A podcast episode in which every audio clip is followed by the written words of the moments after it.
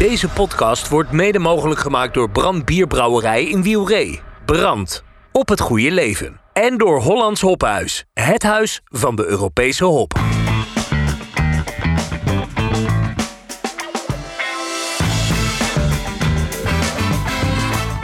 Welcome to the Brewpod. Beste bierliefhebbers, welkom bij de Bierradio Brewpot, de podcast talkshow van bierradio.nl. De maandelijkse podcast steeds vanuit een andere brouwerij in Nederland of België met eh, altijd een aantal gasten. Vandaag hebben we maar één gast en dat is Tjomme Zelstra van de Kaapse Brouwers. We zijn ook te gast bij de Kaapse Brouwers.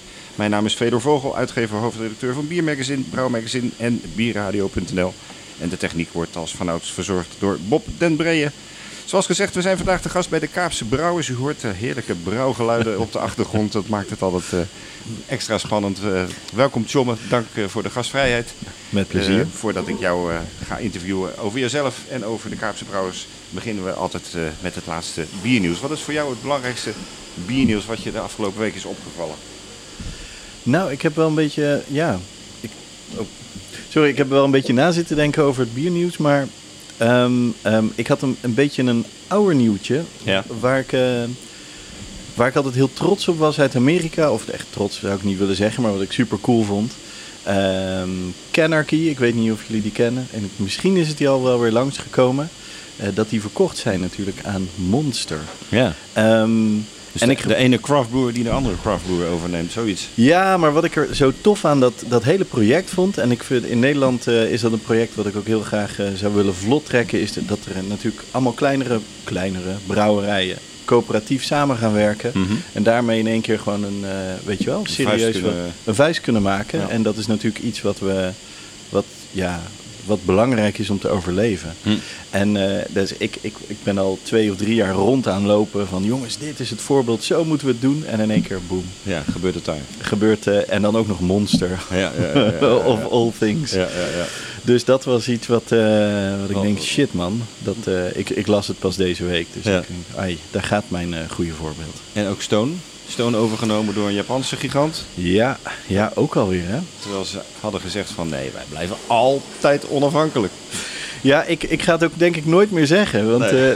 eh, ik, kijk, de Kaapse Brouwers heeft die intentie natuurlijk ook om onafhankelijk te blijven. Hm. Maar eh, ja, ze vallen, ze vallen bij bosjes. Ja, en, ja, ja. ehm, ja, nee, ik vind... ehm, ja, blijf het wel heel erg jammer vinden. Zeker. Stone. Het is natuurlijk zo'n gigant. En ook... eh, ehm, ja, het wordt niet beter dan dat bijna. Hoe ze van begin tot het einde zijn gegaan. Behalve Ja. dan nu dit. Ja. Spannend. Ja, Wat, ja, ja, ja. wat ik ook opvallend nieuws vond gisteren. eh, Fred Teven, de nieuwe voorzitter van Nederlandse Brouwers. Moeten, Ja, we, moeten we daar nou van vinden?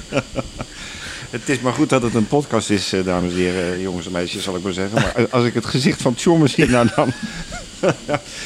Ja, Ja. ja. nee, dit is. Dit, dit, da- ja, als ik daarvoor als ik eh, had mogen kiezen, dan was deze wel een beetje onderaan de lijst. Ja, Ja. misschien eh, Thierry Baudet staat nog wel wat verder weg daarvan, maar. nee, waarom eigenlijk? Ja, het, Ja. ja. goed, ik denk dat natuurlijk, at the end of the day, gaat het om netwerk. Ehm, en ik denk, ja, ze, heeft deze man een enorm netwerk. Ja, dat zal. En als hij, eh, als hij pragmatisch is en zonder politieke voorkeuren eh, goed werk voor de Nederlandse brouwers kan doen. Er zijn Ja. natuurlijk wel een aantal lastige dossiers. Hè? Het preventieakkoord en de accijnsproblematiek, eh statiegeld op blik, eh, noem alles maar op. Er zijn wel wat uitdagingen, ook voor, ook voor de grote brouwers. Ja, ja het is, ehm, ik, ik was het laatst weer even allemaal aan het doornemen. Wat we er ook allemaal voor moeten gaan doen om het, om het ja, voor elkaar te krijgen. Ja. We hadden ook met Craft er ook over alle dingen die nu gaan veranderen, een meeting. En ja, dan is het denk ik wel echt goed als zij zo'n, eh, zo'n eh, als de Nederlandse brouwers, alles wat zij natuurlijk doen is ook goed voor ons. Ja, ja. En ehm, ja, als ze zo'n, hoe noem je dit, zo'n, eh, zo'n power in één keer erbij hebben die dit misschien voor ons wel wat makkelijker kan maken, Ja, is ja. dat wel heel fijn. ja. Nou, we gaan het volgen uiteraard. Ja. We gaan het zien. Ook in het nieuws deze week Craft op zoek naar de smaak van het bier van Rembrandt. Wel een mooi project is dat. Ja, ik vind het heel leuk. We hebben er, ehm, Ook aan meegewerkt? nou, we hebben, nou ja, we, nee, we, we hebben er heel veel over gepraat. Ja. Ehm, wat ik heel tof vond is, ze hebben zo'n eh, zo'n zo'n heel speciaal glas waar je dat uit moet Ja. drinken. Ik denk, oh, Bijna zo'n een tulpenvaas. ja, dat, dat ding, dat, eh, dat zouden we uit moeten brengen. Ja. Wat een cool ding is dat. Ja, ja, ja. ja. Ehm, Nee, en we hebben er heel leuk over gesproken eigenlijk. En ik denk at the end of the day het recept wat eruit is gekomen, dat is best wel, eh, best wel cool. Ik Ja. denk gewoon niet dat het te maken heeft met de oude bier van toen. Maar Het is ik gewoon vind- een leuk project. het is wel een heel leuk project. En het is ook weer iets om. Een, een soort van ehm, eh, een excuus, een goed excuus om elkaar weer allemaal te zien. Net zoals we vroeger met die Beer Geek eh, collab. Van ALS, eh, ja. Ja, dat je weer allemaal bij elkaar komt. Ja. En eh, dus hoe, hoe, hoe meer we dit soort eh, projecten groot Nederlands aanpakken, hoe vaker we elkaar zien, hoe, eh, hoe, eh, ja, hoe beter het is, denk ik, Hoe voor de beter bier. voor de bier. Ja, precies. Ja. Helemaal eens. Ja. Ja, Ook opmerkelijk, Stibon bereidt uit naar België. ja. Dat, is wel, eh, dat is wel goed, toch? Ja, toch? Ja, Ja, Het viel mij wel op dat ze we- alleen met eh, Belgische docenten gaan werken. Ja, dat lijkt me dan ook wel weer een goede, zet, goede, goede zet. Ja, dat denk ik wel. Het is, daar zit natuurlijk ook super veel kwaliteit. Ik, Ja. hoop, ik hoop wel dat ze. Het is wel leuk als er een krui- kruisbestuiving gaat komen. Ja. Ik denk dat er natuurlijk ook eh, heel veel kennis in België is waar we, eh, waar we hier vaak. Sorry. Ik weet Ja, we zitten in de brouwerij, dus dat is prima. Maar eh, nee, dat- ik denk ei- eigenlijk dat het heel waardevol is om, eh, om, eh, om die kruisbestuiving te krijgen. Dus ik hoop Ja. dat dat misschien op de lange termijn anders is. Ja, Maar ehm, ja, ja. mooi. ja. En dan het laatste nieuwtje wat ik opvallend vond. ik denk dat daar ook wel een lach op jouw mond komt. Otmar in Ootmarsum, die opent de eerste bierspa in Nederland. ja, Is dat leuk of niet?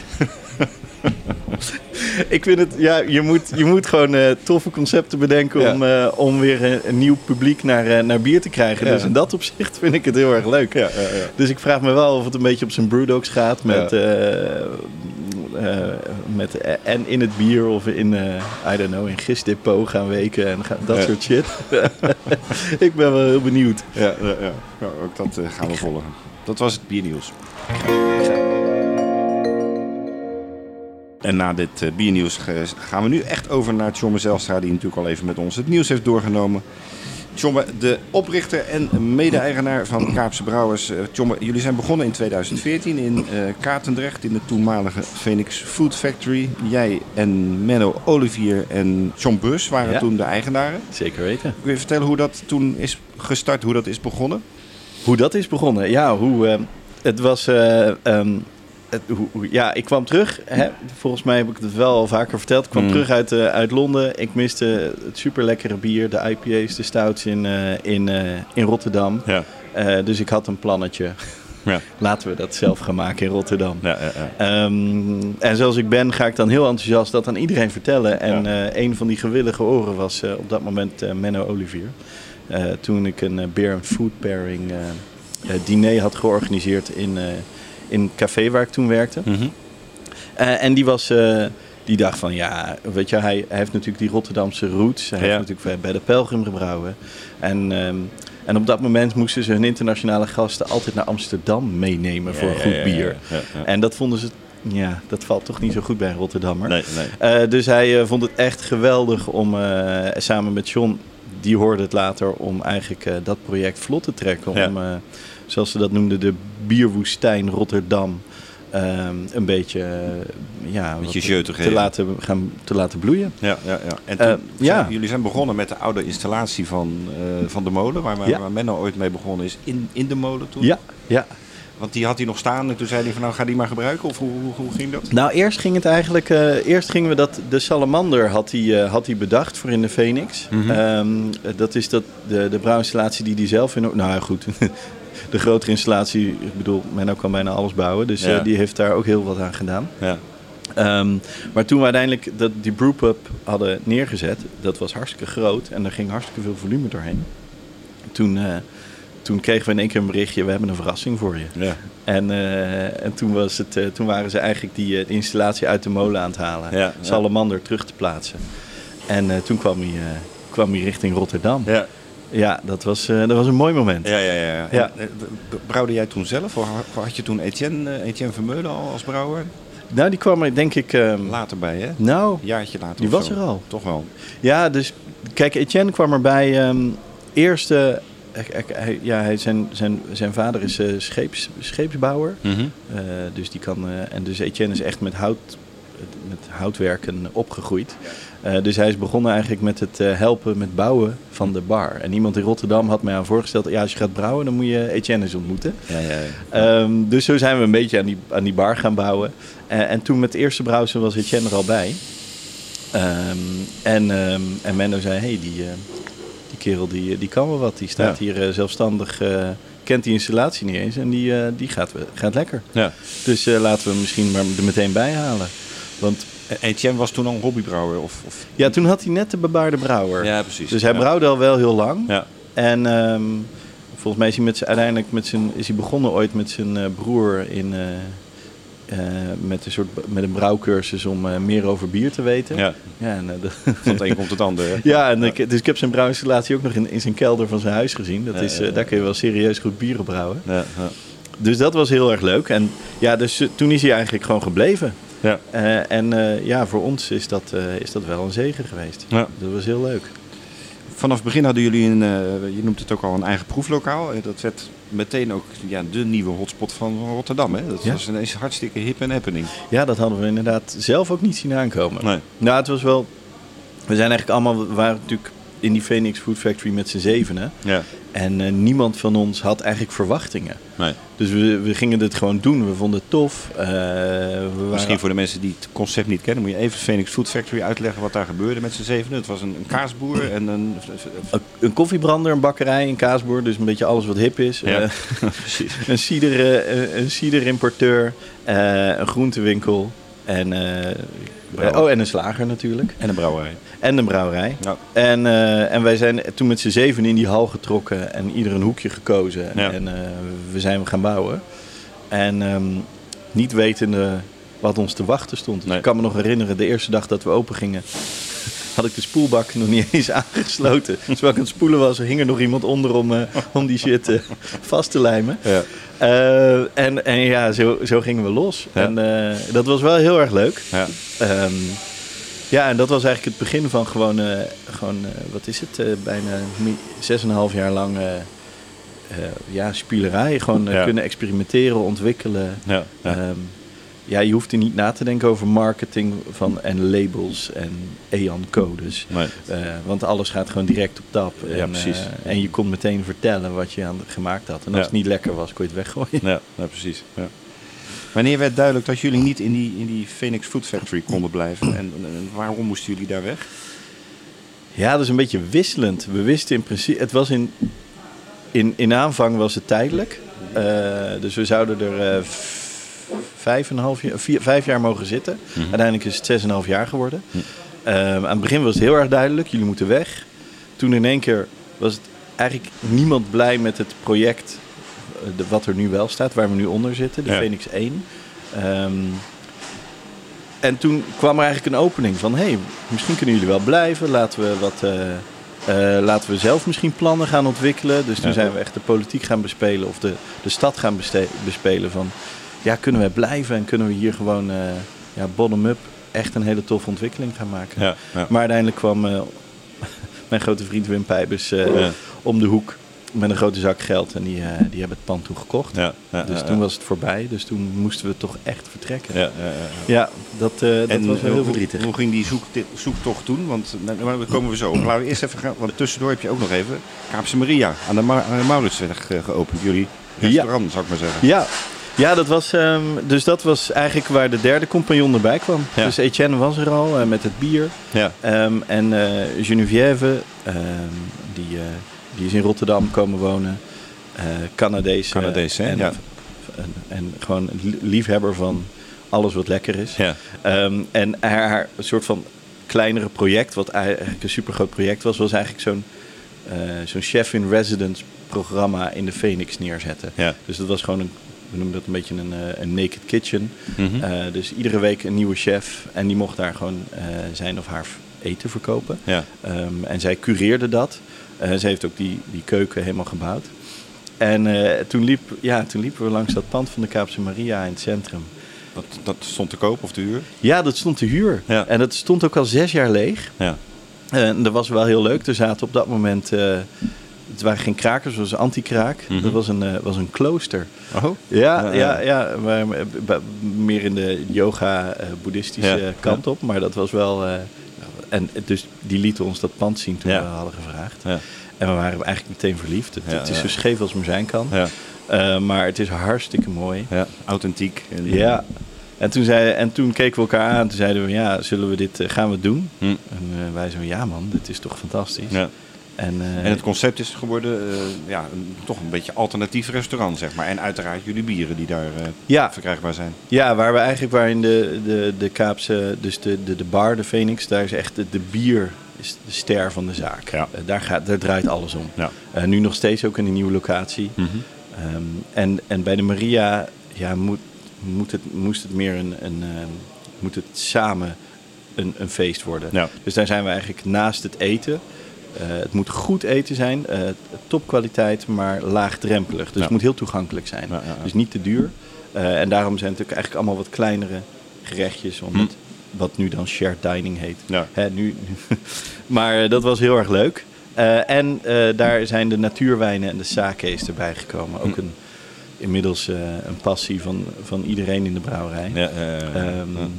Dus ja, dat, dat was...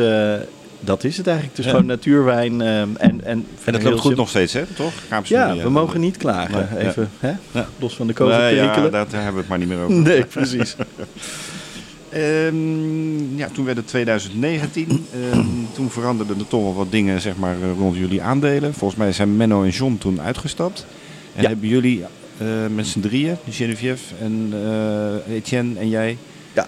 alle aandelen gekocht. Ja, ja dus eh, inderdaad. Ja. Ja, dus eh, uiteindelijk... ehm, nou ja, goed, de, de overname van Swinkels had er ook wel deels wat mee te maken. Ja. Natuurlijk. eh, en toen... toen De, van de, de molen overgenomen door Swinkels. ja, ja, ja, ja, En niet jij zelf. nee, nee, nee, wij niet, nee. Nee. Nee, ja, toen, en toen hebben zij dus de, de, de aandelen aangeboden aan ons. En toen moesten wij ge- geld gaan zoeken. Ja, en waar heb je dat gevonden?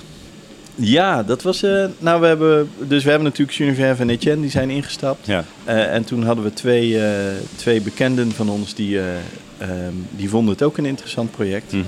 Ehm, ehm, maar die, die, die begonnen eigenlijk alleen met advies geven. en mij helpen met de onderhandelingen over de overname van de aandelen. Ja. En hoe dat goed af te ronden. En die zeiden uiteindelijk, ja, maar ik, ik vind het zo gaaf. Wij, wij doen ook gewoon mee. Ja, ja, ja. Eh, dus uiteindelijk hebben, zij, hebben we niet in één keer alles kunnen doen. Dus hebben we wel eh, interessante ja, aandelenspelletjes en geld lenen hier en daar. En, op alle, en uiteindelijk is het is ons gelukt. ja. Nou, mooi toch? En eh, toen uiteindelijk hebben we in tre- twee tranches hebben we de aandelen overgenomen. ja, En nu zijn we helemaal onafhankelijk. helemaal, onszelf. Ja, ja, ja, mooi. Toen in 2020 moesten jullie dus uit die Phoenix-loods weg, Phoenix 2. En toen gingen jullie inderdaad naar Phoenix 1. Ja. En toen openden jullie hier deze nieuwe brouwerij aan de Keilenstraat. Ja, ja dus, eigenlijk, dus dat is toen een beetje allemaal tegelijk eh, Ja. speelde dat. Die Ja. aandelenovername en eh, het verhuizen. Dus de nieuwe locatie is veel te klein om ook productie in te doen. Mhm. Dus we zijn eigenlijk met de versmarkt en, eh, en de horeca zijn we naar de Phoenix 1 verhuisd. Ja. Het is een beetje, het is een stuk kleiner. eh, Mm. Maar het is wel een hele leuke kruipdoor, sluipdoor plek geworden. Ja, ja. En, ehm, en toen de productie, eigenlijk zijn we als collectief naar de andere kant van, eh, van de Maas eh, verhuisd. ja. Rotterdam-West. Ehm, en ook een heel tof pand. Het is het Keilen Collectief. Eh, een paar jaar geleden gekocht door een paar ondernemers die hier werken. Mhm. om het ook te redden van de projectontwikkelaars. Ja, ja, ja. Ehm, dus het idee is dat je hier eigenlijk eh, dat de huur altijd zo laag mogelijk blijft. ja. Ehm, en de mensen die eigenaar van het pand zijn, moeten hier ook ondernemen. ja. Dus het mag geen pens- pensioenprojectje worden. Nee, precies. Ja. Eh, dus dat, dat trok mij ook heel erg aan. Dus er zitten Ja. hier architecten, er zitten hier eh, eh, houtbewerkers, er zitten hier super inspirerende mensen. ja.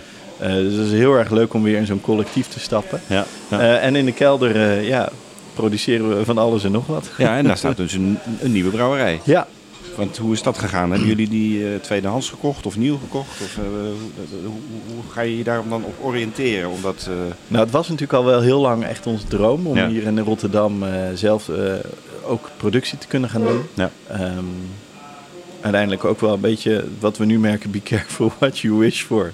You just might get it. Hm. Eh, maar nog steeds, eh, ja, en dus we, zijn, we zijn toen gaan zoeken naar van hoe gaan we dit doen. Gaan we bijvoorbeeld die oude kit van eh, Menno, gaan we die een beetje pimpen. Dat je mee verhuizen en op, eh, opwaarderen. En opwaarderen dat we er echt eh, effectief wat meer mee kunnen, kunnen gaan brouwen. Hm. Maar uiteindelijk was dat toch niet echt een haalbare kaart. Dus zijn we, hebben we uiteindelijk een nieuwe brouwerij gekocht. Ja, Eh, in Schotland. Doen we nooit meer. Dat even terzijde. want? Ja, we dachten we gaan niet naar China, want we hadden al wat drama-verhalen gehoord. dus ja. nou, Schotland, dat klinkt dan toch, dan denk je nou, dat zal wel beter zijn, maar dat was eigenlijk erger. Ja. Dus alles wat zij kochten in China en aan ons doorverkochten, was zo'n beetje het enige wat echt goed was. Ja. Eh, maar goed, we hebben, ja, nou, er is een bekende lasser in Brouwland die Ja. eh, heel veel eh, brouwerijen altijd helpt. Dus Ja, eh, die, die heeft jullie gered. die staat hier op de payroll. Ja, ja, ja. En komt hier. ja, dus, maar uiteindelijk hebben we het wel draaiende gekregen. ja, en het enige, ja, als we een nieuwe brouwerij gaan neerzetten, dan komt die eh, zonder enige twijfel uit Duitsland. Ja. Daar kan ik me iets bij voorstellen. Ja, Maar je, je zegt van ja, de, eh, gekocht in Schotland. Maar hoe, hoe hebben jullie die brouwerij dan kunnen financieren? Want je was net je geld kwijt aan die aandelen. nou daar hebben we, een- ja god, daar hebben we een wel leuke, dus we, uiteindelijk gingen we met de, met de, met de bank praten over, eh, over eh, de financiering. Ja, Ehm, en zijn we eigenlijk heel open geweest van ja, naast eh, een nieuwe brouwerij die we gaan neerzetten. eh, en we willen nog een, een nieuwe zaak openen. Hebben we eigenlijk ook nog wat geld extra nodig. Want wij kunnen eigenlijk die aandelen niet overnemen. Nee. Ehm, en de Rabobank zo, nou, int- oh, interessant.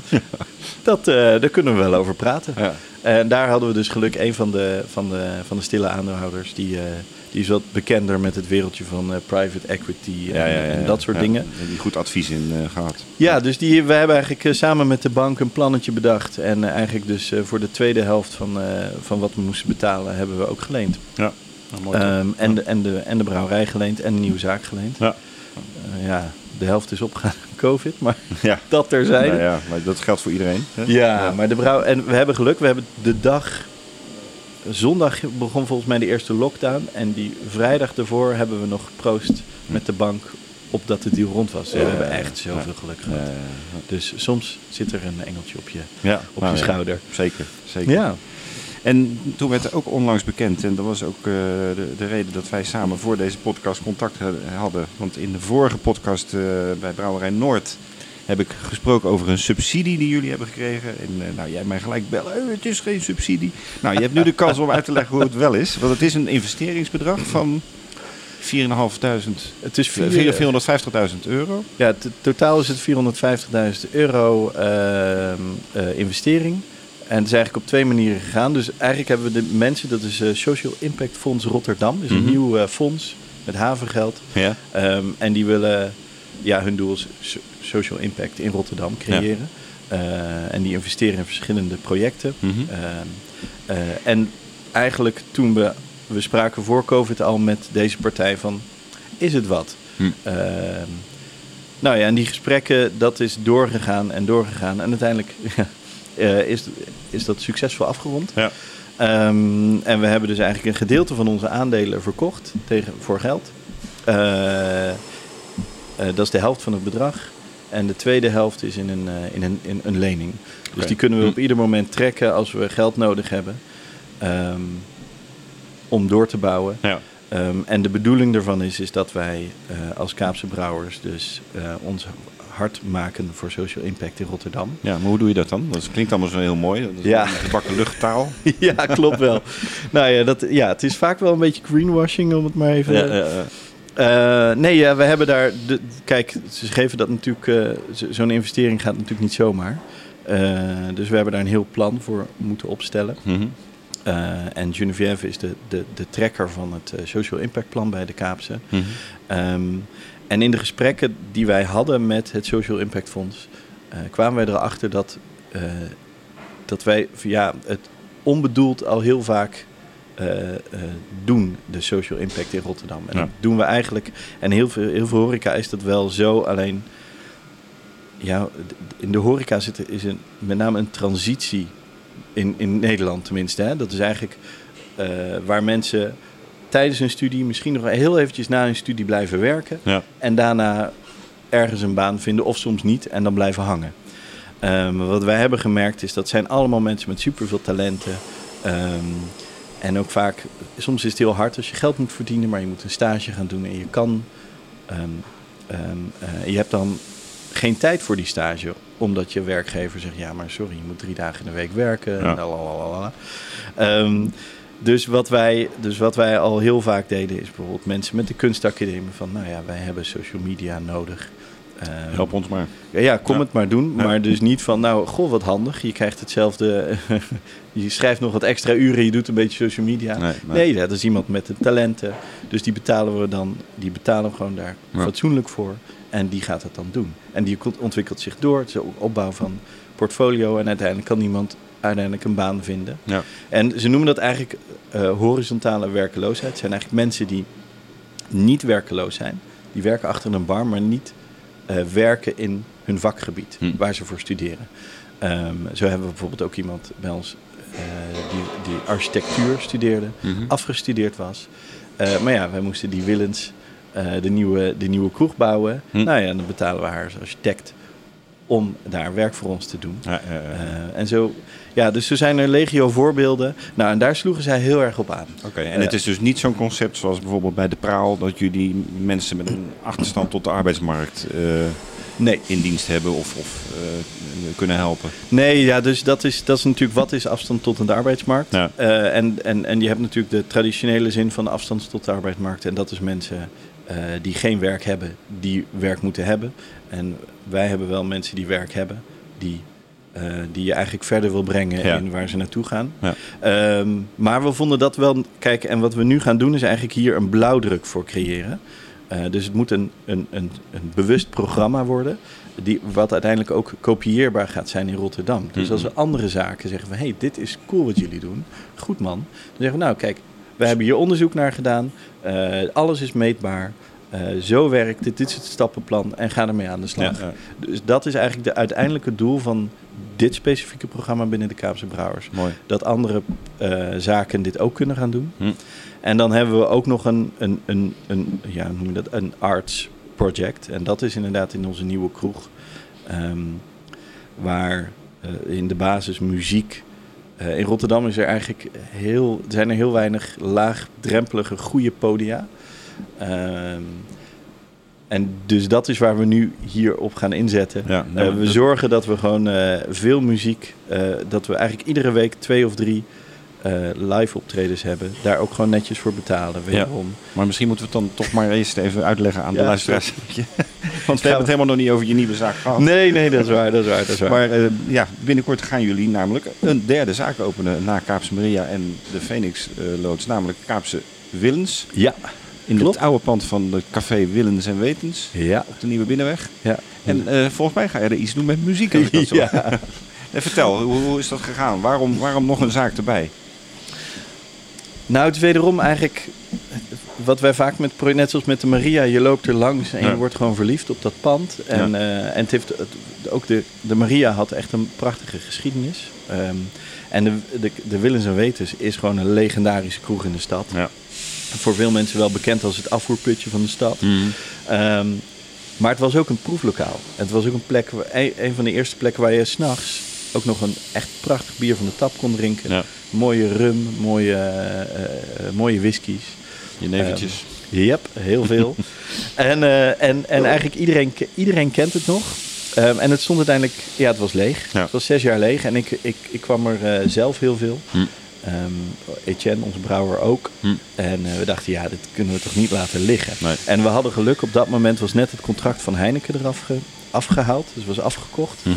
En ook eh, de gokkasten eh, was ook net afgekocht. Ja. En dat is iets waar je in, in Rotterdam nog wel mee pro- in problemen kan raken. Ja. Dus dat zijn we gewoon gaan doen. Ehm, En is dat huur of koop? Dat heb je ook gehuurd. huur. Huur. Ja. En ehm, En dat was twee jaar geleden en toen kwam corona. ja. Ja, we hebben een beetje dubbel pech met de Willens gehad. Eerst was het pand veel, in veel slechtere staat dan we hadden verwacht. Mhm. Ehm, dus we moesten echt superveel gaan verbouwen. Dus het staat nu eigenlijk bijna een hele nieuwe kroeg aan de binnenkant. Ja. Ehm, en ja, COVID, dus het is een pijpenlaadje. Dus dit, het leent zich absoluut niet eh, als kroeg voor eh, eh, ja, als er anderhalve meter of mondkapjes of wat dan ook Nee, is. nee, nee. Dus we hebben het rustig aan gedaan. We moesten wel huur betalen, maar gewoon eh, die investeringen heel traag gewoon lekker doorbouwen. En nu gaat hij dan bijna open. 14 juli geloof ik hè, dat je zei. Ja, dat is de officiële persopening, Ja, ja, ja. zoals we dat dan noemen. Ja. En dan eh, vanaf vrijdag kunnen we gewoon eh, kunnen we biertjes tappen. En dan gaan uiteraard jullie eigen bieren op tap. Maar ik zag iets ergens in de media dat je maar acht taps eh, gaat ja, doen. ja, wat wij dus eh, in tegenstelling tot bijvoorbeeld de, de McDonald's of eh, Brewdog, wat wij niet willen is eigenlijk copy-pasten. Nee. Eh, wat ik al zei, hè, de, de, de, Phoenix heeft echt bier als ster. De rest, Maria is weer anders. Mhm. Ehm, en eigenlijk, we hebben allemaal een voorliefde voor de, het, het, oude- de oude bruine kroeg. Eh, maar die brui- bruine kroeg vinden we super leuk. Alleen ik vind eigenlijk bijna niks lekker wat je daar kan Nee, drinken. nee, jenever is niet lekker, veel bier is niet lekker. Ehm, dus we zijn gaan denken van wat is nou een bruine kroeg voor ons? Wat is de kern van die bruine kroeg? En hoe kunnen wij daar een nieuwe, nieuwe draai aan geven? En, dat Ehm, is, en dat is goed bier. Ja, dat is dus de Willens geworden. Ja. Dus, en maar de, de ster van, de, van een bruine kroeg is vaak de, de barman of de barvrouw. Eh, Ehm, dus daar zijn we heel erg mee bezig. Van we willen echt iemand hebben die daar staat, die je ontvangt en, en, en, en in zijn of haar huiskamer. Ehm, en goede producten, eh, hè, onze bieren, maar we doen ook gastbieren. Ehm, maar ook mooie jenevers. Hm. Gaan ze maar door. We gaan ook een eigen snaps ontwikkelen. Hm. Ja, dat is ter ondersteuning van een hele mooie, eh, van een mooie tijd. Verder gaan, het, gaan we ook kaasblokjes. Hm. Gewoon de Bruine kroeg idee. Ja. bruine kroeg. En hebben jullie die, die, die gastheer of gastvrouw al gevonden? Ja, we hebben er nu twee gevonden. Oké. Dus dat is op zich een goed begin. We Ja. verwachten niet dat, dit, eh, dat er nu iedere dag eh, 500 mensen eh, daar binnen staan te trappelen. Nee, nee, Dus daar gaan, we het, eh, daar gaan we nu even mee beginnen. mee starten. Ja. Ja, en we hebben inderdaad gewoon een fluitje. En een, de grote fluit is een Willy Becher. Hm. En, en we hebben wel zo'n hele toffe Tsjechische tap. Dus het moet wel een beetje... We blijven toch een beetje biergeeks. Ja. Eh, dus eh, dus ja, daar zijn we wel echt... We zijn nu ja, in die traditionele stijlen aan het duiken. Dus Ja. we zijn al een tijdje wat aan het brouwen. Hè. We zijn pils aan het brouwen. We hebben die smoked helles. We Ja. zijn bezig met bitters. En, eh, dus dat is wel... ik weet niet hoe populair die bieren gaan worden. Maar ja, er zijn er maar acht. Dus ja, je zult iets moeten drinken. Duitse en Engelse stijl bieren Ja. las ik. Dat, dat, dat het idee is om daar ook eh, te gaan tappen. Ja, Ja. ja. precies. Of, of een brown ale. Ja, dat, Ik, ik, ik vond het ooit niet lekker, totdat Etienne zei, nou, maar dat is, dat is echt kei lekker. Je moet, maar eens, eh, moet je dit maar eens proeven. Toen Ja. dacht ik, ja, je hebt wel gelijk. Dus, eh, dus ja, die liefde moet ook weer een beetje gaan groeien. Maar je ziet het overal in Nederland wel nu ook wel opborrelen. Hè? Dat die. In, eh, in Amsterdam heb je natuurlijk al meerdere zaken waar die stijlen ook eh, Klopt. populair zijn. Ja, ja, eh, ja. De revival of the lagers. Ja. Ja, en nu over bieren gesproken. We hebben het nu heel veel over aandelen en financieringen. En, en, Dat is eigenlijk het saaie gedeelte, hè? eh, Allerlei zaken gehad. Maar wat is nou jullie eh, bierfilosofie? Jullie hebben natuurlijk altijd eigenzinnige bieren gehad. Kun je eh, aangeven wat jullie handtekening is? Ja, daar zijn we natuurlijk zelf ook wel een beetje aan het, aan het eh, als ik eerlijk ben, over aan het nadenken. Van Mhm. Wat, wie zijn wij nou, wat doen wij nou? Eh, we zijn natuurlijk ooit begonnen in Rotterdam. Als zijnde, ja, er waren op dat moment geen IPA's, geen stouts die hier gebrouwen werden. Nee. Eh, dus het was heel evident, dat gaan we doen.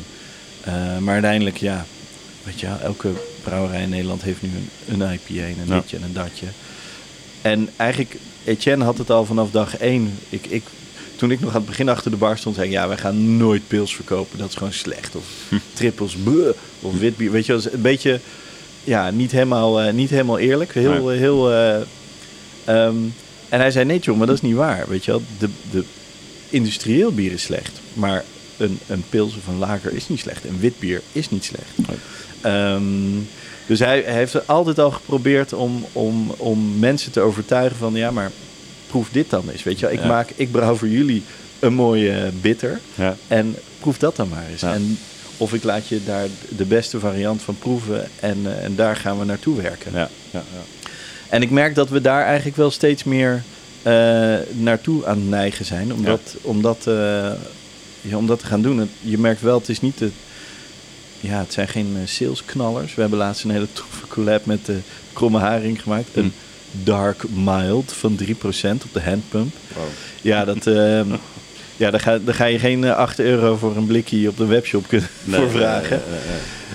Dus, dus daar zijn we wel, dat is wel onze voorliefde. Dat Ja. vinden we wel eh, heel erg tof. En ook, we zijn ook wel met die sours bezig. Volgens mij al 15 jaar lang Ja. is sour het nieuwe populaire bier. Maar nog steeds mondjesmaat, hè? Ja, Maar is het het begint wel wat meer te komen nu, heb ik het idee. Maar Ja, dus, Ja, eh, ja. Dus daar hebben we nu ook wel een paar hele goede van gemaakt. ja. Ehm, ja, dus het is voor ons, we zijn, ja, het, het is... Maar jullie hebben natuurlijk veel eh, specials en collabs, maar jullie hebben uiteraard ook een core range. Ja. Misschien kan je die nog even proberen kort toe te lichten wat jullie core range is, die, die ook gewoon altijd vast in het assortiment zit. Ja, onze core range is wel echt een, eh, een session IPA en een saison, eh, een stout. Onze gozer, die vanaf dag 1 is die er. Ja. Ehm, de Kaapse Maria, dat is wel, maar dat is ook. We vinden die lichte bieren vinden wij eigenlijk zelf wel het lekkerst. Mhm. Ehm, dus de, de, de Kaapse Maria is een eh 4,5 procent Mhm. hazy pale ale hebben we het dan nu genoemd. Ja. Ehm, maar ja, gewoon super lekker doordrinkbaar. En dan hebben we eigenlijk een paar jaar geleden dus een craft pilsner Mhm. geïn- eh, geïntroduceerd, de Nelis. Ja. Die begint nu langzaam een beetje eh, tractie te krijgen, dus dat vind ik wel heel leuk. Ja. En met name op bierfestivals merk je dat dan alle brouwers constant naar je tap toe lopen. Hé, hey, mag ik er nog eentje? Ja, ja, ja, Dan denk je, yes. Ja, dan doen we het goed. Dan doen we het goed. Maar het grote publiek moet er nog even aan wennen. En ja, kijk, het is natuurlijk als je in de supermarkt Ja, dat zijn Ja. iets andere prijzen voor natuurlijk. 2,15 een pilsje of voor eh 50 cent een pilsje kan kopen. Dat Ja. is toch, blijft wel echt heel erg moeilijk. Ja. En dan hebben we een, hebben, we- proberen we eigenlijk een 2,5% eh eh hazy eh, session IPA. We Mhm. hebben het een micro IPA genoemd. Mhm. Eh, in Engeland is dat super populair. Ehm, en op tap krijgen we het wel aardig verkocht, maar op blik is het nog wel een beetje moeilijk. Mm. Mensen in Nederland hebben het dan toch, ja, of ik drink een alcoholvrij, of ik wil Ja. een session IPA of, of, of iets sessionables drinken. Ja. Maar die 2,5% dat is nog een beetje moeilijk. Ja. Eh, dus die zijn we heel erg hard aan het bouwen. Mm. Ehm, maar dat is, een beetje, dat is eigenlijk, eigenlijk onze core. Ja. Ehm, dus eh, nog geen smoked helles in de core. nee, nee. Dat komt nog. Ja, die gaat wel komen. Dat is, eh, ja, man, dat is, dat is toch fantastisch bier. ja, ja, ja. Prachtig. Ehm, jullie organiseren ook altijd heel veel eh, evenementen, tap takeovers. Eh, hoe, hoe belangrijk is dat voor een ja, hedendaagse craft brewer om eh, dat soort dingen ook te doen? Om een beetje community te creëren. Ja, het is inderdaad eigenlijk wel. Bij ons is het met name uit voorliefde voor, eh, voor gewoon ook andere brouwerijen te ontmoeten. Hm. Eh, net als ik al eerder praatte over die coöperatie. Eh, de kracht zit hem in samenwerken. Ja. En voor ons is het gewoon een, een, eigenlijk een superleuk iets om brouwerijen te ontmoeten, om ze uit te nodigen, om samen een biertje eh, te brouwen en te drinken natuurlijk. Mhm. Ehm, en dus dat is eigenlijk onze persoonlijke motivatie om dit te doen. Ehm, en daarnaast is het, eh, vinden we in Rotterdam, is nog steeds op zich op craft beer gebied, ja, is het nog niet zo ver als in Utrecht of Amsterdam. Eh, dus is het ook een plek om, om Rotterdam te laten zien wat er allemaal is. Hm. Dan we in Nederland. Dus eh, toen we zeker net uit die crisis kwamen, toen hebben we gezegd: hé, hey, eh, laten we Ne- Nederland weer even voorstellen aan Rotterdam. Ja. Ehm, en ook wat mensen die we eigenlijk nog nooit hadden gehad. Hè? Net Hm. zoals two chefs of een butcher's tears die, Hm. die, die we nog niet zo goed kenden. Dus een een goed excuus om ze weer eens te leren kennen. Ja. Ehm, en dat is eigenlijk ons grote doel in, in de stad. naar buiten toe is eigenlijk de stad eh, al die brouwers te laten leren kennen. Ja, ja. En er is zo ontzettend veel. Dus, jullie eh, staan vandaag bijvoorbeeld weer in Gent, eh, begreep ik, in België. Wat, Ja. wat, wat staan jullie daar te doen?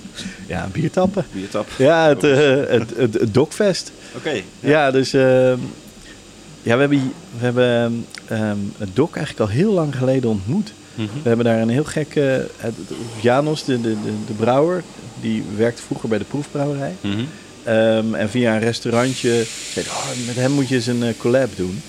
Eh, en daar is toen een hele leuke vriendschap uit ontstaan. Ja. Ons eerste bier was eh, echt een eh Brett triple IPA, het, bourbon vergist. Het was echt een fucking freaking bier, freaky bier, maar echt heel erg lekker. Ja. Het is gewoon een hele, het is een begenadigd brouwer. Ja. Ehm, en, een, en een heel leuk mens. Ja. Dus ja, daar mogen we nu naartoe. En eh, de line-up is eh, echt fantastisch. Ik ben Ja. trots dat we daartussen staan. Ja, leuk, leuk, leuk. Ja. En dat is gewoon voor iedereen vrij toegankelijk. Ja, als Ja. deze podcast uitkomt is het, eh, is het al lang voorbij. Maar, maar Voor in ieder volgend geval, jaar Ja, een absolute aanrader. Gent is sowieso al heel leuk. Precies. Maar, maar echt, ja, de brouwers die hij weet aan te trekken, dat is wel... dat is wel Crème de la crème. ja, absoluut. Leuk. Ehm, kun je nou tevreden zijn eh, eh, zoals het nu loopt met Kaapse Brouwers? Je hebt best wel een hoop meegemaakt in die, eh, in die jaren. Ik heb het gevoel hier, als ik zo iedereen rond zie lopen, dat iedereen erg happy is. Iedereen straalt. Het is, draait het goed met de Kaapse Brouwers? Ja, het gaat wel. ehm, ja, ik denk als je. Als je zelf natuurlijk de, de, de bovenop zit, dan zie je eigenlijk alleen maar de dingen die nog niet goed gaan. Mhm. Ehm, dus ik denk. ehm, dus ik zie eigenlijk alles wat nog beter kan. Ja. En ik ben ook wel een beetje ongeduldig. Mhm. Eh, maar als ik een beetje uitzoom en ik zie wat we allemaal eh, sinds eh, 2018 eh, allemaal hebben doorgemaakt, denk ik dat we eigenlijk best wel trots mogen zijn. Punt 1 dat we er nog zijn. Ja. Ja, en dat deze brouwerij er staat en een nieuwe Phoenix er staat. En het is allemaal nog niet zoals je wil. maar het staat er wel. Ja, precies. Het is gewoon, het is uit niks is het allemaal geboren. Ja. En, ehm, maar ja, ik denk, ja, we moeten, we doen heel veel en we vertellen ons verhaal vaak niet goed genoeg. En ehm, Hoeveel mensen werken er nu bij, bij Kaapse? ja, 40 alweer zoiets. Zo, ja. Ja, dat is wel inclusief barpersoneel. ja, logisch. Maar ja. Maar eh, ja, het zijn echt hartstikke veel mensen. ja, ja. Dus eh, En daar ben jij dan even de general manager van. Dat moet je gewoon eh, ook allemaal wel eventjes regelen. ja, nou ja, dat is, het is niet voor niks. We, we, we zijn met z'n, drietjes natuurlijk. Ja. Dus ik hoef het gelukkig, sta ik er niet alleen voor. Ehm, en Geneviève, die is, die, doet, eh, die is hoofd van eh, personeelszaken. Mhm. En eh, daar ben ik er heel erg dankbaar voor, want Ja. het is, dat is een zware klus, zeker nu. En er is ook wel altijd weer iemand ziek, of er is weer dit, of er is weer dat. Ehm, dus ja, het is, dat is een groot team om... om, om En Etienne is dan vooral belast met de brouwzaken. Ja, ja, die is echt, beetje baasbrouwer. overal. eh, ja, en ja. dat voor een oud filosoof. Want jij bent eigenlijk gewoon filosoof. Ja, ben filosoof van opleiding. Ja. Ja, ik, eh, ik doe echt, eh, ik leer allemaal dingen waarvan ik nooit had verwacht dat ik dat zou doen. Dus Nee. ik zit met name in de financiële administratie, boekhouding en dat soort ellende. Maar eh, aan de andere kant, en ik denk dat dat eigenlijk ook voor, voor Etienne en voor Geneviève geldt is. Het is voor ons, we zijn alle drie heel leergierig Hm. Eh, en geïnteresseerd. Dus het maakt eigenlijk niet zozeer uit wat we gaan doen. Het is gewoon super tof om te blijven ontwikkelen en om te leren en om nieuwe dingen te kunnen. Ja, ja. Dus ik ben eigenlijk wel trots dat ik nu eh, dat ik gewoon kan boekhouden. ja. Ik weet nog mijn eerste keer toen ik in de boekhouding zat, ik denk, ah, dit Wat gebeurt hier allemaal? Dit gaat me nog nooit, dit, dit ga ik gewoon niet kunnen. Nee.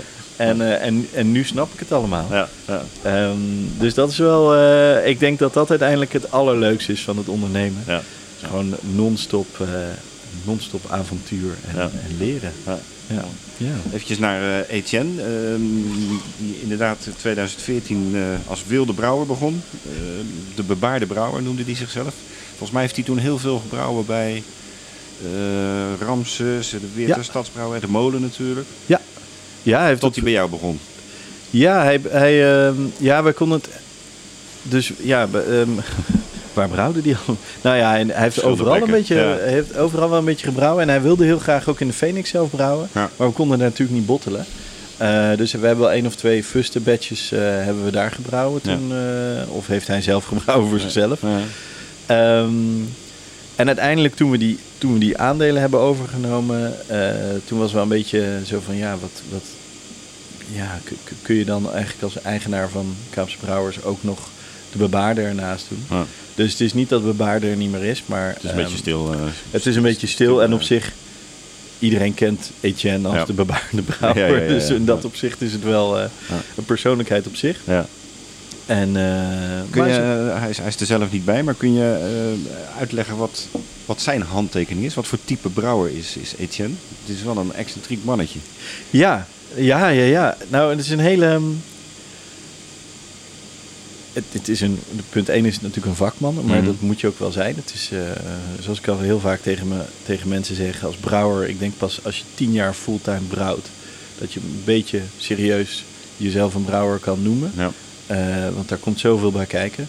Maar Etienne is echt een, een nieuwsgierige, een leergierige brouwer. Ja. Eh, en heel precies. Hm. En dat is ehm, dus wat we hier ook hebben gemerkt eigenlijk. Hij, zit, hij, zit, hij stopt nooit met overbrouwen lezen, eh, dingen uitzoeken. Eh, ja, eigenlijk weer hetzelfde bier. Toch weer een klein beetje beter zien te maken. ja, ja, ja. Ehm, ik denk dat dat, Etienne, en hij is mega... Ik denk, hij, hij is natuurlijk opgegroeid in een, in een horecafamilie. Mhm. Dus hij is ook heel erg... eh, hij kan heel goed problemen oplossen. Nou. Echt ook een problem solver. En, ja, en, en hij is technisch. Hm. Eh, en eh, ja, als je niet technisch bent, dus aan mij heb je echt niks in de brouwerij. Ik bedoel, we bedenken, we praten veel over bier. En, Mhm. ehm, Maar hij moet, het, eh, hij moet het zorgen dat het er komt. ja, ik, ik kan de bako vasthouden, maar de rest moet hij doen, weet je wel. Ja. Nee, maar dus zijn, dat is wel echt... ja, ik herken ook wel zijn, zijn... Als hij een bier heeft gemaakt, dan herken ik het toch altijd wel stiekem. Ja. Hoewel ik het moeilijk vind om daar de vinger op te leggen wat het smaaktechnisch is. Hm. Eh, maar dat is wel het bijzondere aan Etienne. Ja. Mooi. Al met al. Wat vind je van de Nederlandse bierwereld? In die kleine 20 jaar eh, gegroeid van ja, rond de 65 brouwerijen eh, naar nu ruim 900. Je gaf net al aan, jullie doen heel veel samen met tap- takeovers van eh, met ook vooral Nederlandse craftbrouwers, maar ook buitenlandse. Maar wat, wat vind je van de Nederlandse biercultuur op dit moment? Ja, het is, het is natuurlijk enorm tot bloei gekomen. Dat vind ik er wel eh, dat vind ik er heel, ja, gewoon super tof aan. Hm. Eh, ik denk dat de, de Nederlandse, de, de, de brouwers, weet je wel, de, de, de brouwwereld, eh, ook onderling. Het is een eh, mega, ja, ik vind het een fijne, hoe zeg je dat, fijne plek of een fijne wereld om in te werken. Eh, weinig haat en nijd, Hm. eh, weinig geheimen voor elkaar. Ehm, ik denk dat de, dus de, ja, eigenlijk geweldig. En het ontwikkelt zich echt super snel. Als je Ja. bekijkt, hè, waar, eh, nou ja, Two Chefs noemde ik al, hoe die, waar die ooit begonnen en waar die nu inmiddels staan. En Ook alweer 10 jaar. ja, frontaal en van de streek. Dat is Ja. echt onvoorstelbaar. Ja. Dus ik weet nog dat ze voor het eerst bij ons op het festival stonden. En wat daar nu voor brouwerijen staan, Ja. wat er van kwaliteit uitkomt, is echt mindblowing. Dus dat vind ik super tof. Ja. Ik merk wel dat ik de, de, de biermarkt, en dan heb ik het meer qua verkoop en qua Hm. wat de consument tof vindt of drinkt, Mhm. dat ik dat nog wel heel moeilijk vind. Dus ik merk ook wel veel buitenlandse brouwers die komen naar ons toe van... hey, ja, als ik mijn bier hier wil verkopen, hoe moet, waar moet ik zijn? Wie is goed? Wat is niet Ja. goed? Wat werkt goed? En dat ik zeg, ja, ik zou bijna zeggen, probeer het, doe het gewoon niet. Want het is Nee. echt best wel een ingewikkeld, eh, ingewikkeld landschap. Ja, ja. Ehm, dus ik denk ook wel dat dat, dat nu mijn grootste, of de grootste struggle van de Kaapse brouwers is. Van, ja, hoe raak je die sweet spot om eh, eh, dat, ja, dat iedereen je bier leert kennen, eh, Ja. dat ze het gaan waarderen. Eh, dat is nog wel een, ja, waarschijnlijk herken je dat Ja, ook wel. absoluut, Dat is, ja. dat is best wel, dat is nog wel ingewikkeld. Ja, ja, ja. En jullie kiezen er dan niet voor om bijvoorbeeld met een Bier Co of een Multibier of andere grote partijen samen te werken, maar doen dat vooral zelf. Ja, we doen het zelf. Nou ja, het, kijk, je hebt natuurlijk, ja, je hebt ze wel nodig. Hè? Zeker als je in de retail, in de retail wil zitten. Ja. Ehm, ehm, dan, dan zijn, dat, zijn dat de poortwachters Hm. om bij de Albert Heijn binnen te komen totdat je groot genoeg bent, zoals een Jopen, Ja. om het eh, op zelf eigen te houtje kunnen, te kunnen ja. doen. Eh, aan de andere kant eh, moet ik zeggen dat de, deze groothandels ehm, ook super open zijn en gewoon advies geven van Hm. hey, wat, ja, wat je hier doet of dit zou ik wat anders doen of kijk eens even naar het label. Ze hebben natuurlijk zoveel ervaring. En zo. Dus dat, dat is dan ook wel weer de leuke kant. Je Mhm. krijgt ook gewoon super goede feedback en Ja. ze staan open om je te helpen. Ja, ja. En dat wat in andere landen ook nog wel zegt. Van ja, als jij, als jij niet met een goed voorstel komt, eh, dan word je gewoon weer eh, word je, word je de deur gewezen. Dus dat vind ik er wel weer heel leuk aan. Ehm, maar ehm, ja, je kan het gewoon ook niet alleen. Nee. Dat is wat ik Nee, zei, je moet nee. het samen doen. Jullie En- doen natuurlijk ook veel via je, je eigen webshop. Kun je aangeven, hoe is dat zeg maar de helft van jullie omzet? Of, nee, of, eh, nee, hoe- ik denk hoe 5, zit dat? 5% of zo. Oké, ja. Dus de de gaat gewoon natuurlijk via de proeflokalen. Ja, de horeca is een groot, ja, onze eigen horeca Ja. is een groot gedeelte. Ja. En, eh, en op zich hebben we bijvoorbeeld met, eh, zitten we nu in het regionale eh, Albert Heijn eh, ehm, programma, Ja, wat ook hartstikke goed loopt. oké. Hm. En eh, de horeca is weer terug aan het komen. Ja, Dus steeds meer en meer fusten de deur uit, dus dat is heel erg leuk. ja. Maar, eh, maar met die webshop waren we gewoon net te laat. Hm. Dus toen COVID eh, begon, eh uiltje frontaal, jongen, die kreeg het niet aangesleept. Nee, En, maar wij hadden onze webshop nog niet. Wij waren altijd van, ja joh, komt wel een keer. whatever. Weet Ja. je, ik heb een proeflokaal, dat gaat hartstikke goed. Ja. is nergens voor nodig. Dus daar heb ik ook wel van geleerd. Die arrogantie, die, Mm. die, daar heb ik wel spijt van. Ja, kan me voorstellen. Want ja, ja alle, alle markten zijn, daar moet je gewoon, die moet je serieus nemen en daar moet je, eh, en daar moet je tijd in stoppen. Ja. Dus we Ja. zijn nu wel blij dat we ook, ook gewoon een webshop hebben als Ja. uitlaat. eh, Mooi. van verkoopplek. Tot slot, wat, eh, waar gaan jullie de komende jaren op, op focussen? Wat is jullie, jullie ambitie voor, voor de komende jaren? Wat is de ambitie? Ja, nou, toen je hier binnenkwam, en ik denk, jullie hebben het allebei wel gezien. Het is niet de grootste plek eh, op aarde. Ehm, eh, dus we, we zijn al wel bezig eigenlijk met de, met de volgende brouwerij. Mhm. Eh, in die zin is het een, is het een tussen, tussenplek. Ehm, we hopen hem, net als denk ik iedereen, dat we deze plek wel... We, we mogen hier altijd blijven. Dus Mhm. we hopen dat we hier uiteindelijk een, een, wild, een wild bierprogramma kunnen doen. Ja, wie wil dat niet, Ja. zou je bijna zeggen. Ja. Ehm, dus dat is een, eh, daar zijn we nu al eigenlijk hard mee bezig. Eh, dus Dus dat, betekent toch weer een nieuwe locatie. dat is een, een nieuwe, eh, echt wel een grote locatie. Hm. Eh, dus daar zijn we mee bezig met financiering, Hm. eh, met ja, die plek veiligstellen. En wat gaan we daar dan allemaal doen? Want je hebt al een plek op het oog. Ja. Dat kan je Ja. natuurlijk niet vertellen. Nee, nee. maar het is wel ja, het is een hele toffe plek ook weer Ja. in Rotterdam. Dus als dit lukt, dan, ja, dan zijn we wel echt... dan hebben we... dat is wel een dream come true. Dus Mhm. daar, daar zijn we nu eh, hard... Dat is een van de dingen waar we hard mee bezig zijn. Maar is dat dan ook een plek waar je, eh, dat jullie dus vertrekken uit de Phoenix? Dat je, da- dat je daar ook je eigen proeflokaal eh, gaat doen? Dat, dat alles samenvalt, zeg maar? Nou, de Phoenix blijft sowieso altijd. We zijn natuurlijk de Kaapse Brouwers. Dat is Katendrecht. Dus Ja. we mogen daar ook niet weg. Nou, Ja. Mag natuurlijk altijd. Nee, maar dat ben je aan je stand verplicht, zeg maar. Ja, En, en op zich, die locatie is nog steeds geweldig. Ja. Ehm, dat, dat onderschat ik ook nog wel. eens als je het naast de, iedereen zegt, ah, die oude was zoveel leuker. Denk ik, ja, maar die nieuwe is ook tof, man. Ja. Ze zijn nog steeds aan de Maas, prachtig uitzicht. Ja. En eh, dus dat, nee, daar blijven we wel. En we hebben daar gewoon een normaal huurcontract. Dus daar kunnen we echt wel heel lang blijven. Dus Ja. dit wordt gewoon echt iets nieuws. Mhm. Nieuwe plek. Ehm, en ja, waarschijnlijk wel weer nog iets van een leuke kroeg of een Hmm. leuke, leuke horeca-locatie. Ehm, en ja, het allerbelangrijkste is gewoon beter bier maken. Ja. Ehm, dus dat is eigenlijk onze focus hier in ons op in de brouwerij. Gewoon eh, elk, elke volgende batch Karel moet een betere batch zijn. Ja, ja, ja. Dus altijd, altijd willen verbeteren. Dat, Ja. eh, Eh, ja, dat is, dat is wel waar we voor staan. Ja. Dus leuk. ons best doen. Mooi. Dit was het interview met Tjomme Zelstra, de eigenaar, mede-eigenaar van de Kaapse Brouwers. En wij bedanken hem hartelijk. We gaan zo nog even het laatste rondje met hem doen. Ja, het laatste rondje is altijd eh, even wat gekke ludi- ludieke vragen. Tjomme, wat eh, is sowieso het belangrijkste nieuws waar jullie nu mee bezig zijn? Dat is denk ik toch wel de Kaapse Wilms. Ja, de Kaapse Willens. Dat is ja, eh, denk ja ik... eh, nog, eh, nog een weekje.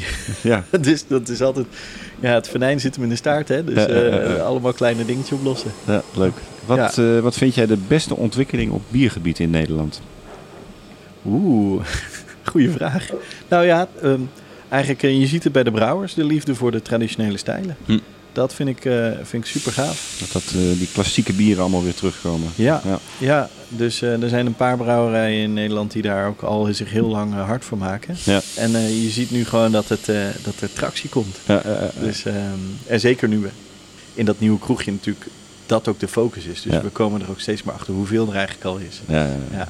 Welke bieren drink jij zelf het liefst? Het is altijd licht en hoppig.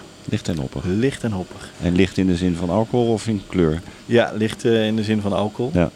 Dus eh, toevallig had ik een, eh, een, een dry hop lager van vrouw Gruber afgelopen vrijdag hadden we een event bij Yakima Chief, Mhm. de hopleverancier. Ja.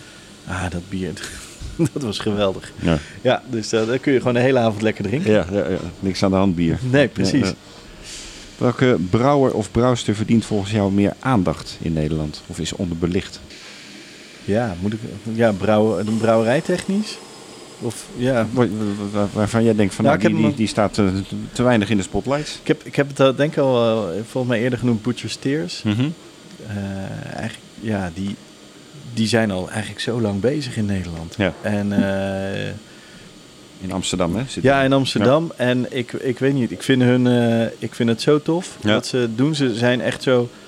Ze, ma ze houden zich totaal niet bezig met de hype of wat dan ook. Het interesseert ze, het interesseert ze waarschijnlijk wel. Maar weet je, ze, ze hebben gewoon hun eigen smaak, hun eigen route, hun eigen dingen. Ehm, en een soort van onder de radar groeit dat gewoon. En eh, komen daar fenomenale bieren vandaan. Ja. Ja, Leuk. dus dat. Wat is jouw favoriete bier-spijscombinatie? Goh. Ik, Dat, weet, eh, ik weet dat jij een aardige levensgenieter bent. dat Ja. je ook wel heel erg van lekkere dingen houdt. Ja, En dan Ja. kan ik me dan voorstellen dat je er inderdaad lang over moet nadenken. Maar- Ja, er, gaat, er schiet zoveel door mijn, door, gaat door mijn, door mijn, door mijn hoofd. Ehm, maar, ehm, ehm, nou, ik denk dat ik dan moet, moet denken aan een van mijn, eh, gewoon mijn beste herinneringen eigenlijk. En Mhm. dat was een, eh, een heel licht gerookt bier. Dus ik, ik, ik denk aan de stijl van die, eh die Schlenkela, de blauwe. Ja, Bamberg. Ehm, en ja, en dat was met een, eh, met een, met een salade en op hooi gerookt, eh, zo'n mooie dikke vette vis. Mhm. En dat was dan een beetje op gras hooi gerookt, dus dat was ook heel subtiel. Hm. Ja, dat was, ik weet niet, dat was gewoon... Hemelse combi. Ja, het was echt mind-blowing. En Ja. het deed wat samen. Ja. En de andere ding wat ik wel heel graag eet is gewoon eh, stout met oesters. Ja. Dat is echt, eh, dat blijft, het is een klassieker. Ja. En, eh, maar het maakt me toch iedere keer weer blij. Dus Ja. af en toe gaan we, als we naar een festival gaan, dan gaan we eerst even wat oesters halen. Ja, ja, ja, ja, En dan een paar openen Leuk. en een stoutje erbij. Ja. Ja, echt eh gruwelijk. Mooi, lekker.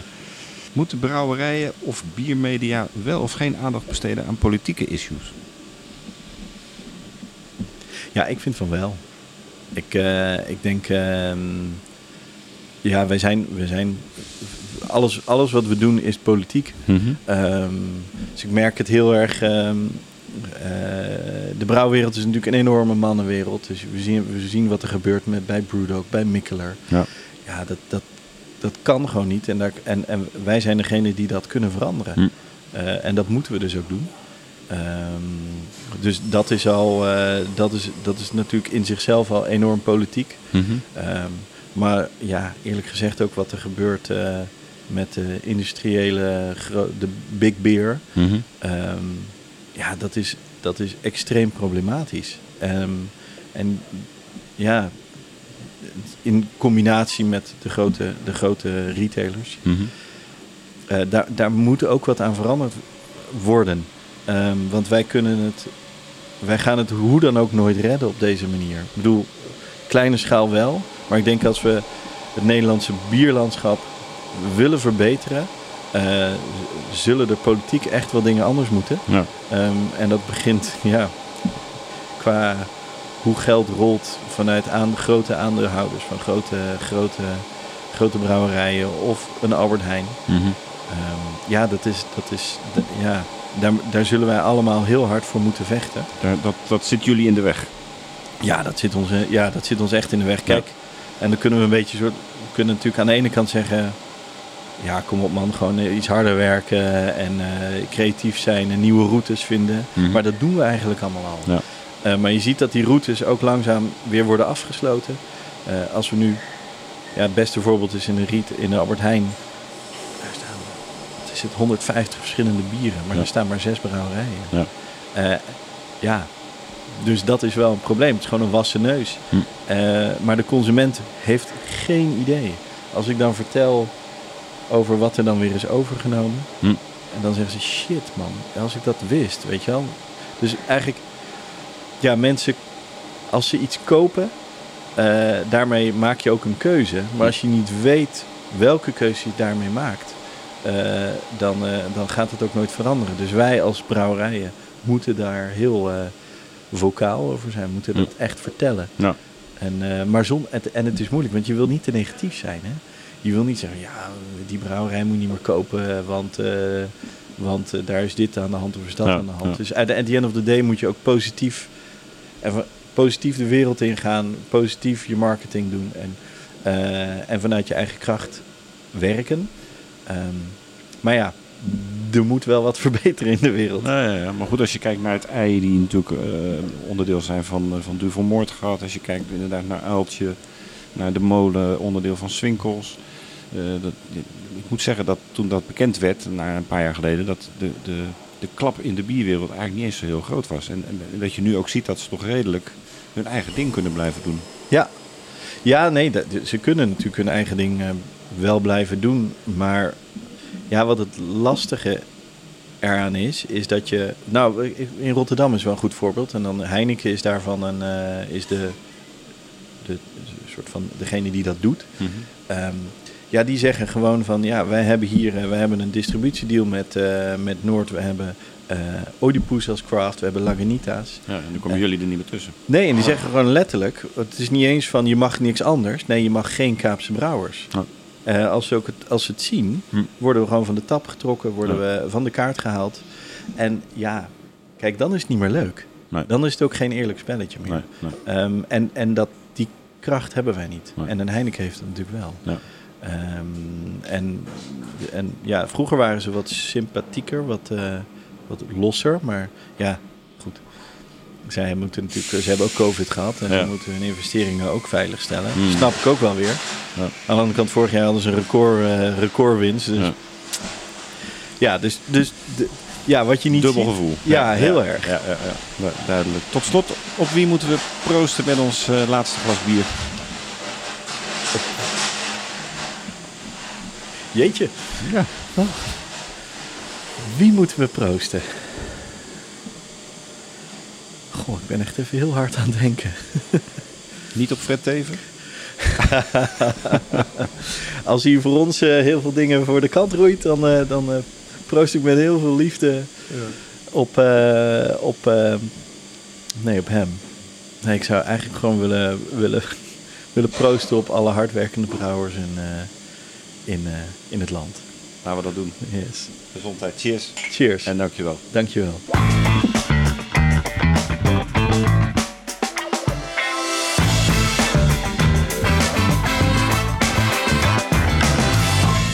Deze podcast werd mede mogelijk gemaakt door Brand Bierbrouwerij in Wielree. Brand. Op het goede leven. En door Hollands Hophuis. Het huis van de Europese hop.